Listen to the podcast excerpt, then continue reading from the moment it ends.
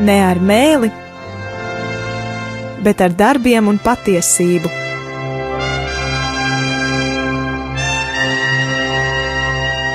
Atvērsim svētos rakstus un studēsim kopā. Māca Jēkabs, Dieva un Kunga Jēzus Kristus kalps.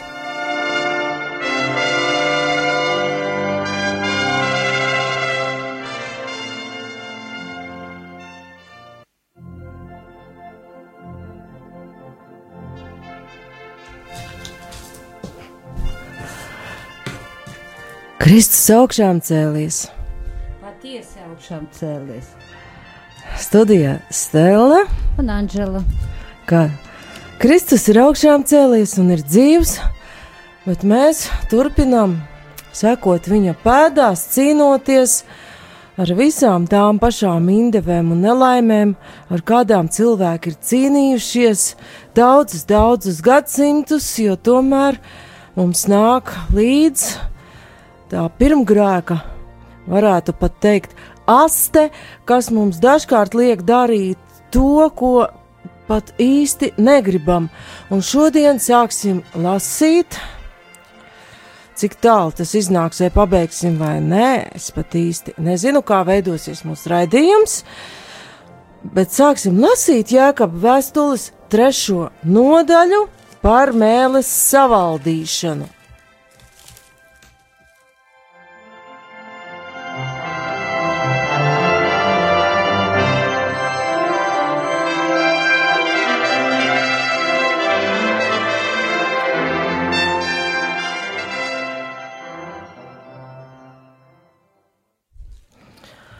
Trešās nodaļas pirmā daļa sastāv no tāda fragmenta, kurā nav ļoti daudz pantu, tikai 12, bet tajos jēkabs runā par mēles savaldīšanu.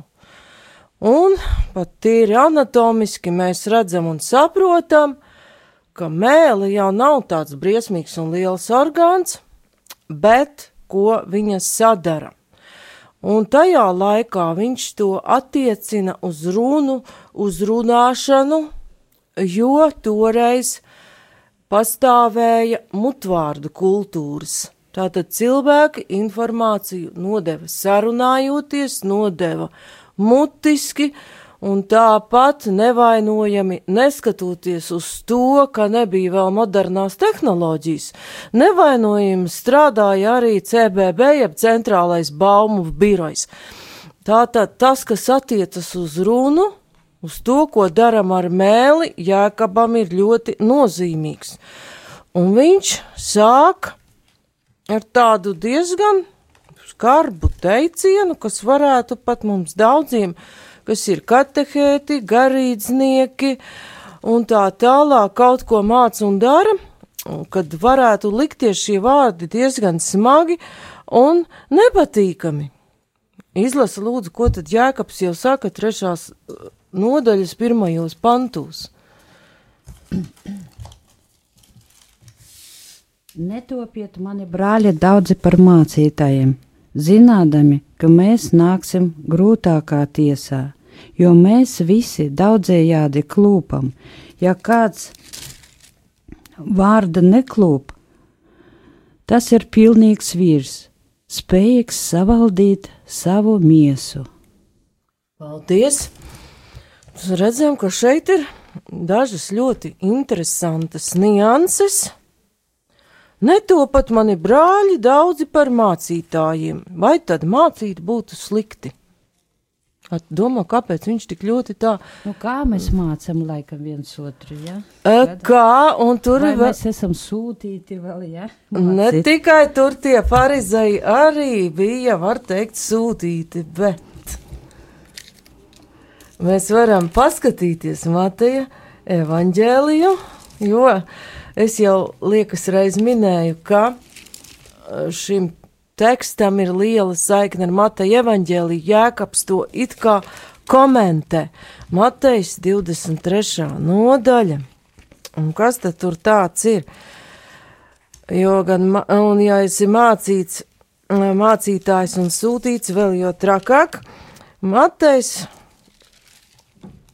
runā par šādām lietām. Matejs 23. nodaļa, 2. līdz 7. pants.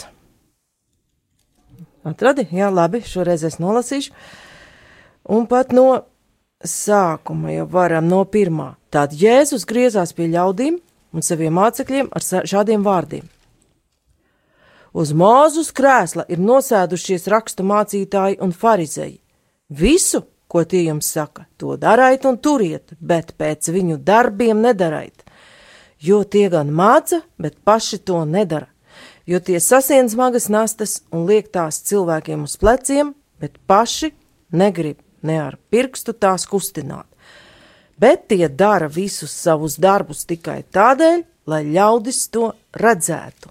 Tie darina sev platas lūkšanas siksnas un drēbēm garus pušķus, tie mīl mīlestos sēdēt goda vietās un sinagogās pirmajos krēslos. Tātad šis uh, Mateja evaņģēlīja teksts pasaka, kuri tā vaina.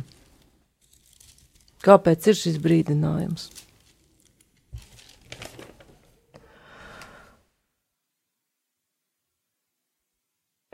Nesaskan vārdi un darbi. Un jautājums ir tas, ar kādu nolūku šie cilvēki māca, pat ja viņi māca pareizi, jo Jēzus saka, to turiet un dariet, ko viņi māca, bet neskatieties uz viņu darbiem. Tā tad Ja cilvēks, kam ir dota šī mācīšanas vara, nespēj saskaņot vārdus ar darbiem, viņš nāk grūtākā tiesā, jo viņam ir ļoti liela atbildība par tiem cilvēkiem, kurus viņš māca. Viņš viņus formē, viņš viņus veido. Arī Lūkas evanģēlijā saka, teikts, ka net, netiesājiet, tad jūs netapsiet tiesāti Nepazudiniet, tad jūs netapsiet pazudināti. Piedodiet, tad jums taps piedots. Jā, paldies! Un šeit Anģela norādīja ar evaņģēlista Lūkasa teikto uz uh, vienu ļoti būtisku mācīšanas aspektu, uh, lai šī mācīšana nebūtu tiesājoša. Līdz ar to, ar kādu mēru jūs mērosiet, ar tādu jums atmēros. Arī tādā gadījumā šis cilvēks, kas māca, ja arī paklūp, tas viņa kritiens nav tik smags, jo viņš tomēr nav otru cilvēku notiesājis ar savu runu.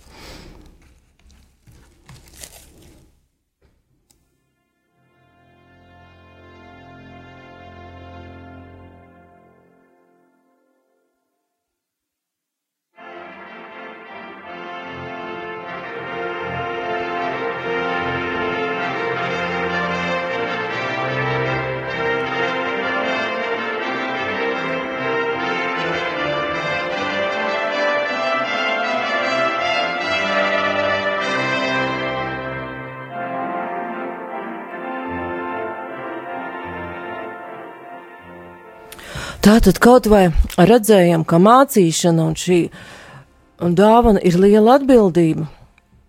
Tomēr dar pieminēt apustuli Pāvilu un nebaidīties no šīs iespējas, ja tāda dāvana ir dota, to izmantot un palīdzēt cilvēkiem saprast vārdu un dzīvot pēc tā, jo apustulis Pāvils vēstulē Efeziešiem 4. nodaļā par mācīšanas dāvanu, bet daudzām citām dāvanām saka tā, 11. pants. Viņš arī devis citus par apstuļiem, citus par praviešiem, citus par evaņģēlistiem, citus par ganiem un mācītājiem, lai svētos sagatavotu kalpošanas darbam, Kristus miesai par stiprinājumu, līdz kamēr mēs visi sasniegsim vienību Dieva, tēla, tic, Dieva dēla ticībā un atziņā īsto vīra briedumu, Kristus diženuma pilnības mēru. Tā tad kaut gan ir šī atbildība un jēkaba biedinājums apustulis Pāvils tomēr pasaka, ka tā ir uzticēta dāvana un ka kungs ir tas, kas to dod un nozīmē šim kalpojumam. Arī e, Lūkas evaņģēlijā arī teikts, ka ja tu to pēkšņi dāvanu vai neizmanto. Un kas notiek tad? Kas zinādams sava kunga gribu, nebūs sagatavojies vai darījis pēc viņa prāta, dabūs daudz sitienu, bet kas nezinādams, tu būs darījis to, ar ko viņš pelnījis sitienus, dabūs maz, jo no katra, kam daudz dots, daudz prasīs, un kam daudz uzticēts, no tā jau vairāk atprasīs. Paldies! Un varam arī domāt par to, vai šī atteikšanās no kunga dāvanas lietošanas, no šīs iespējas, nav tomēr viens aspekts tai pašā Lūkas evaņģēlijā minētajam grēkam pret svēto garu. Tas ir šīs iespējas dāvans, uh, brīvprātīga noraidīšana. Vai paturēt sev tikai? Eh, jā, paturēt sev, jo, ja mēs paturam sev, tad būs kā vecajā derībā, kā tur bija ar to mannu, ko gribējās tā savākt sev un uz priekšdienām. Jā, un vairāk. un vairāk, un kā vairāk. tur. Un tas sāk smirdēt, un tārpi tur bija iekšā. Tā tad jāņem vērā šis jēkab brīdinājums, bet tomēr Eh, jāmāca, ja ir uzticēta šī dāvana, jo tālāk jau ir šis jēkaba tāda uzslava tiem, kas spēj savaldīt mēli.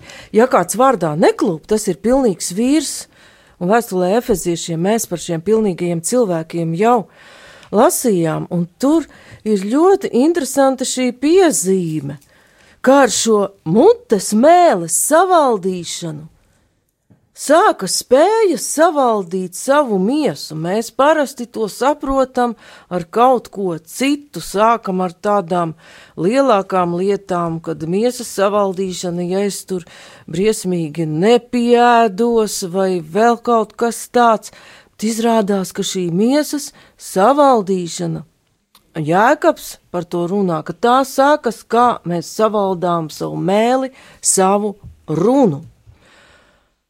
Un arī iesaist par to runā. Jā. Bēdas man, jo es esmu nāvei lemts. Es esmu cilvēks ar nešķīstām lūpām un dzīvoju tautas vidū, kam nešķīstas lūpas, un tagad es redzēju ar savām acīm ķēniņu, to kungu cebautu. Tad pielidoja man klāt viens serafs Viņam rokā bija kvēlojoša ogle, ko viņš ar lukšām bija paņēmis no altāra. Ar to viņš aizskāra manu muti un teica: Redzi, tai aizkarot, tavas lūpas, tavs noziegums ir deldēts, un tavi grēki piedoti. Paldies!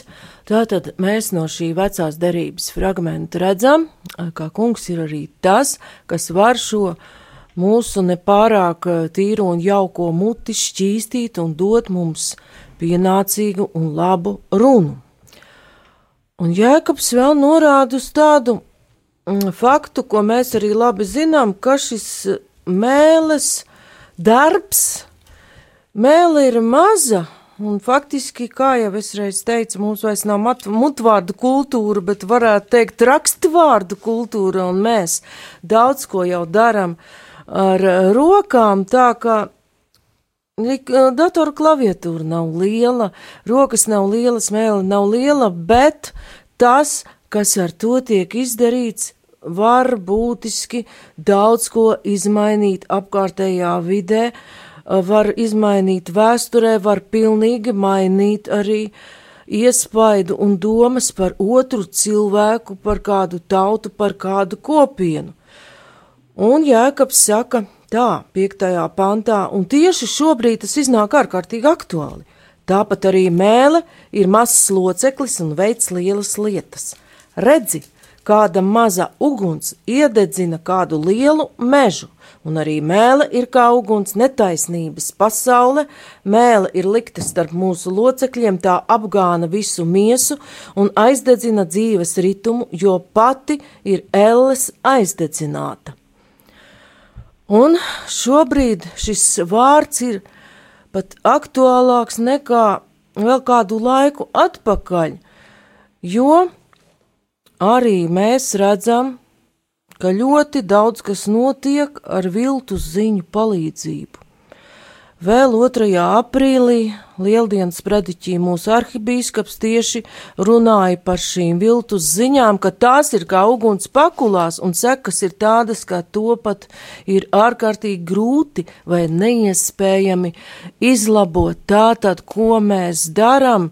Šajā it kā drošajā vidē ar pārliecību neviens mūs nevar uzzināt, neviens mūs neredz. Kaut gan tehniski uzzināt jau var, kas raksta, ko mēs rakstam un kādas ir tuvās un tālās sekās, sekas tam, ko mēs uzrakstam. Jo šobrīd pat ir diezgan liela ažiotāža, un tas ir tāds diezgan grūts piemērs, ka ir izplatījusies vēja ātrumā ziņa, ka pāvests Francisks esot teicis, ka Ella nepastāv. Un cilvēki, diemžēl arī kristieši, vierīgu sirdi, nepārbaudot, kā šī viltu ziņa ir dzēlusies, to padot tālāk. Francisks teica, ka Ella nepastāv. Bet faktiski eh, tas ir izraisījies no viena žurnālista apgalvojumiem, kas faktiski nav ņēmis interviju no pāvesta Franciska, bez tam, pat kad kādreiz viņi ir intervējis, nekad nelieto diktafonu, un bez jebkāda ieskata pāvesta Franciska teiktajā, viņa uh, sprediķos, kas ir publicēti, un tā tad ir ticama un pareiza informācija, kur pāvests ir norādījis, ka Elle pastāv gan, un viņš pievērš ticīgo uzmanību šim faktam un paskaidro tuvāk, ka tā nav fiziska vieta, bet tā ir mūžīga atšķirtība no dieva, kas ir paša izvēlēta. Un šis īsais un vienkāršais piemērs parāda to, kādu milzīgu nepatiesības uguni var aizdedzināt viens cilvēks, kas ierakstīja šo īso teikumu. Pāvests Francisks ir teicis.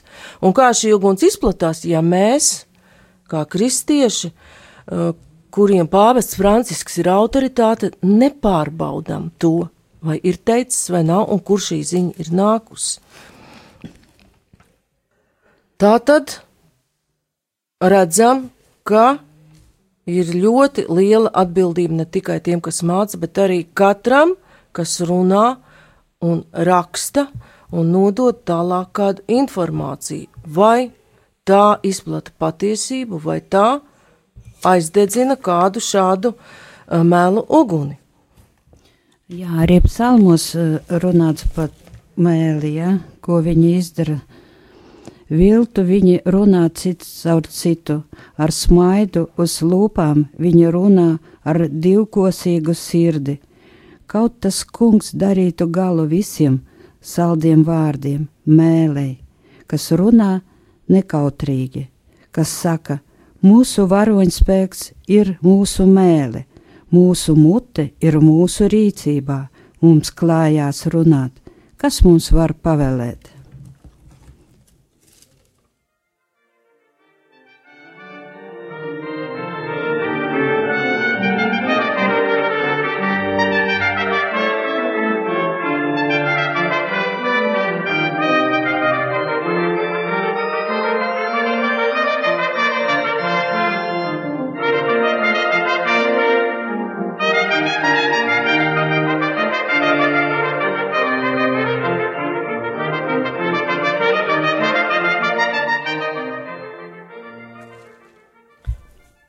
Tā tad nedaudz mums bija ieskats pat tāds no dzīves, ko mēle var izdarīt un kādu postu nodarīt.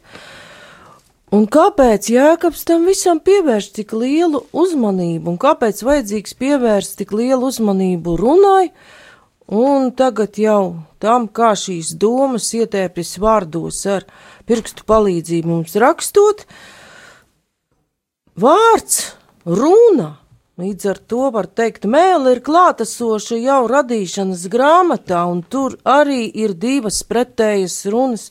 Man šķiet, ka kādreiz jau es to nedaudz minēju. Jo kā notiek radīšana?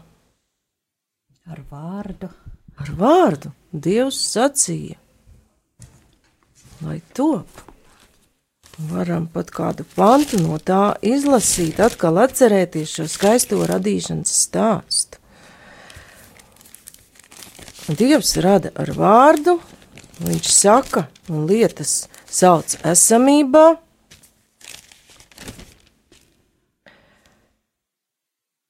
Trešais pāns, un Dievs sacīja, lai top gaisma, un gaisma tapa, un Dievs redzēja gaismu labu esam. Un Dievs šķīra gaismu no tumsas, un Dievs nosauca gaismu diena, un tumsu nosauca nakts. Tātad Dievs izrunā šos vārdus, un viņš ar tiem rada un ieved kārtību. Tas rodas un tiek arī nošķirta diena no nakts, tātad viņš ar saviem vārdiem arī sakārto. Bet turpat tālāk jau mēs redzam kādu citu runātāju, kurš visu sagrauj. Viltīgākais no lauka zvēriem radīšanas grāmatas trešajā nodaļā dara pavisam kaut ko citu. Viņš sēž šaubas un cenšas jau uzreiz sagraust cilvēka un dieva attiecības. Vai tad tiešām dievs ir teicis: Nēdiet ne no viena koka dārzā? Sieva teica, čūskai mēs ēdam no koku augļiem dārzā, bet par tā koka augļiem, kas ir dārza vidū, dievs teicis, no tā jums nebūs ēst nec to aiztikt, citādi jūs mirsit. Tad čūska teica, sievai jūs mirt nemirsit. Un seko tālākais teksts, un mēs redzam šo pilnīgi pretējo runu tam, ko teica Dievs. Dievs ar savu vārdu radīja un sakārtoja, čūska ar to, ko izrunā, sagrauj un izposta, un caur viņas runāto sākas šis, un tālāk jau mēs saprotam no jaunās derības, ka šī čūska ir ļaunā garas simbols, sākas šī nāves klātesamība cilvēkam, kura ir līdz šim laikam, līdz kamēr, kā atklāsums grāmatas autors saka, Jēzus to satrieks galīgi. Un kā radītiem pēc dieva tēla un līdzības mums ir dota arī šī spēja apdomīgi un gudri lietot savu mēli, savu runu, to, ko domājam un izpaužam vārdos un rakstos, lai mēs varētu uzcelt un otru cilvēku pacelt. Jo tas ir mums ir dota brīvā griba, un mūsu varā ir izvēlēties teikt, es tevi mīlu, es tev palīdzēšu un varam teikt arī pretējo. Jā, un Salamana pamācībās tieši runa iet par to, ka gudra cilvēka mēle padara viņa mācību mīļu, bet ģeķu muti izvert ģeķību. Nepraša nonievā sava tēva mācības, bet kas pieņem pamācību, kļūs gudrs. Paldies! Mūsu raidījuma laiks jau tuvojas beigām. Un tāpēc pārdomāsim, kādi vārdi ir mūsu mutē un kādus vārdus mēs rakstam.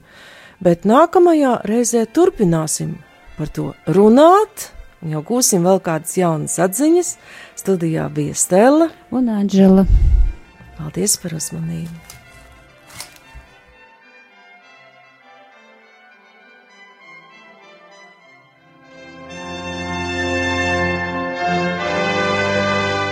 Izskanēja raidījums. Ne ar mēli, bet ar darbiem un patiesību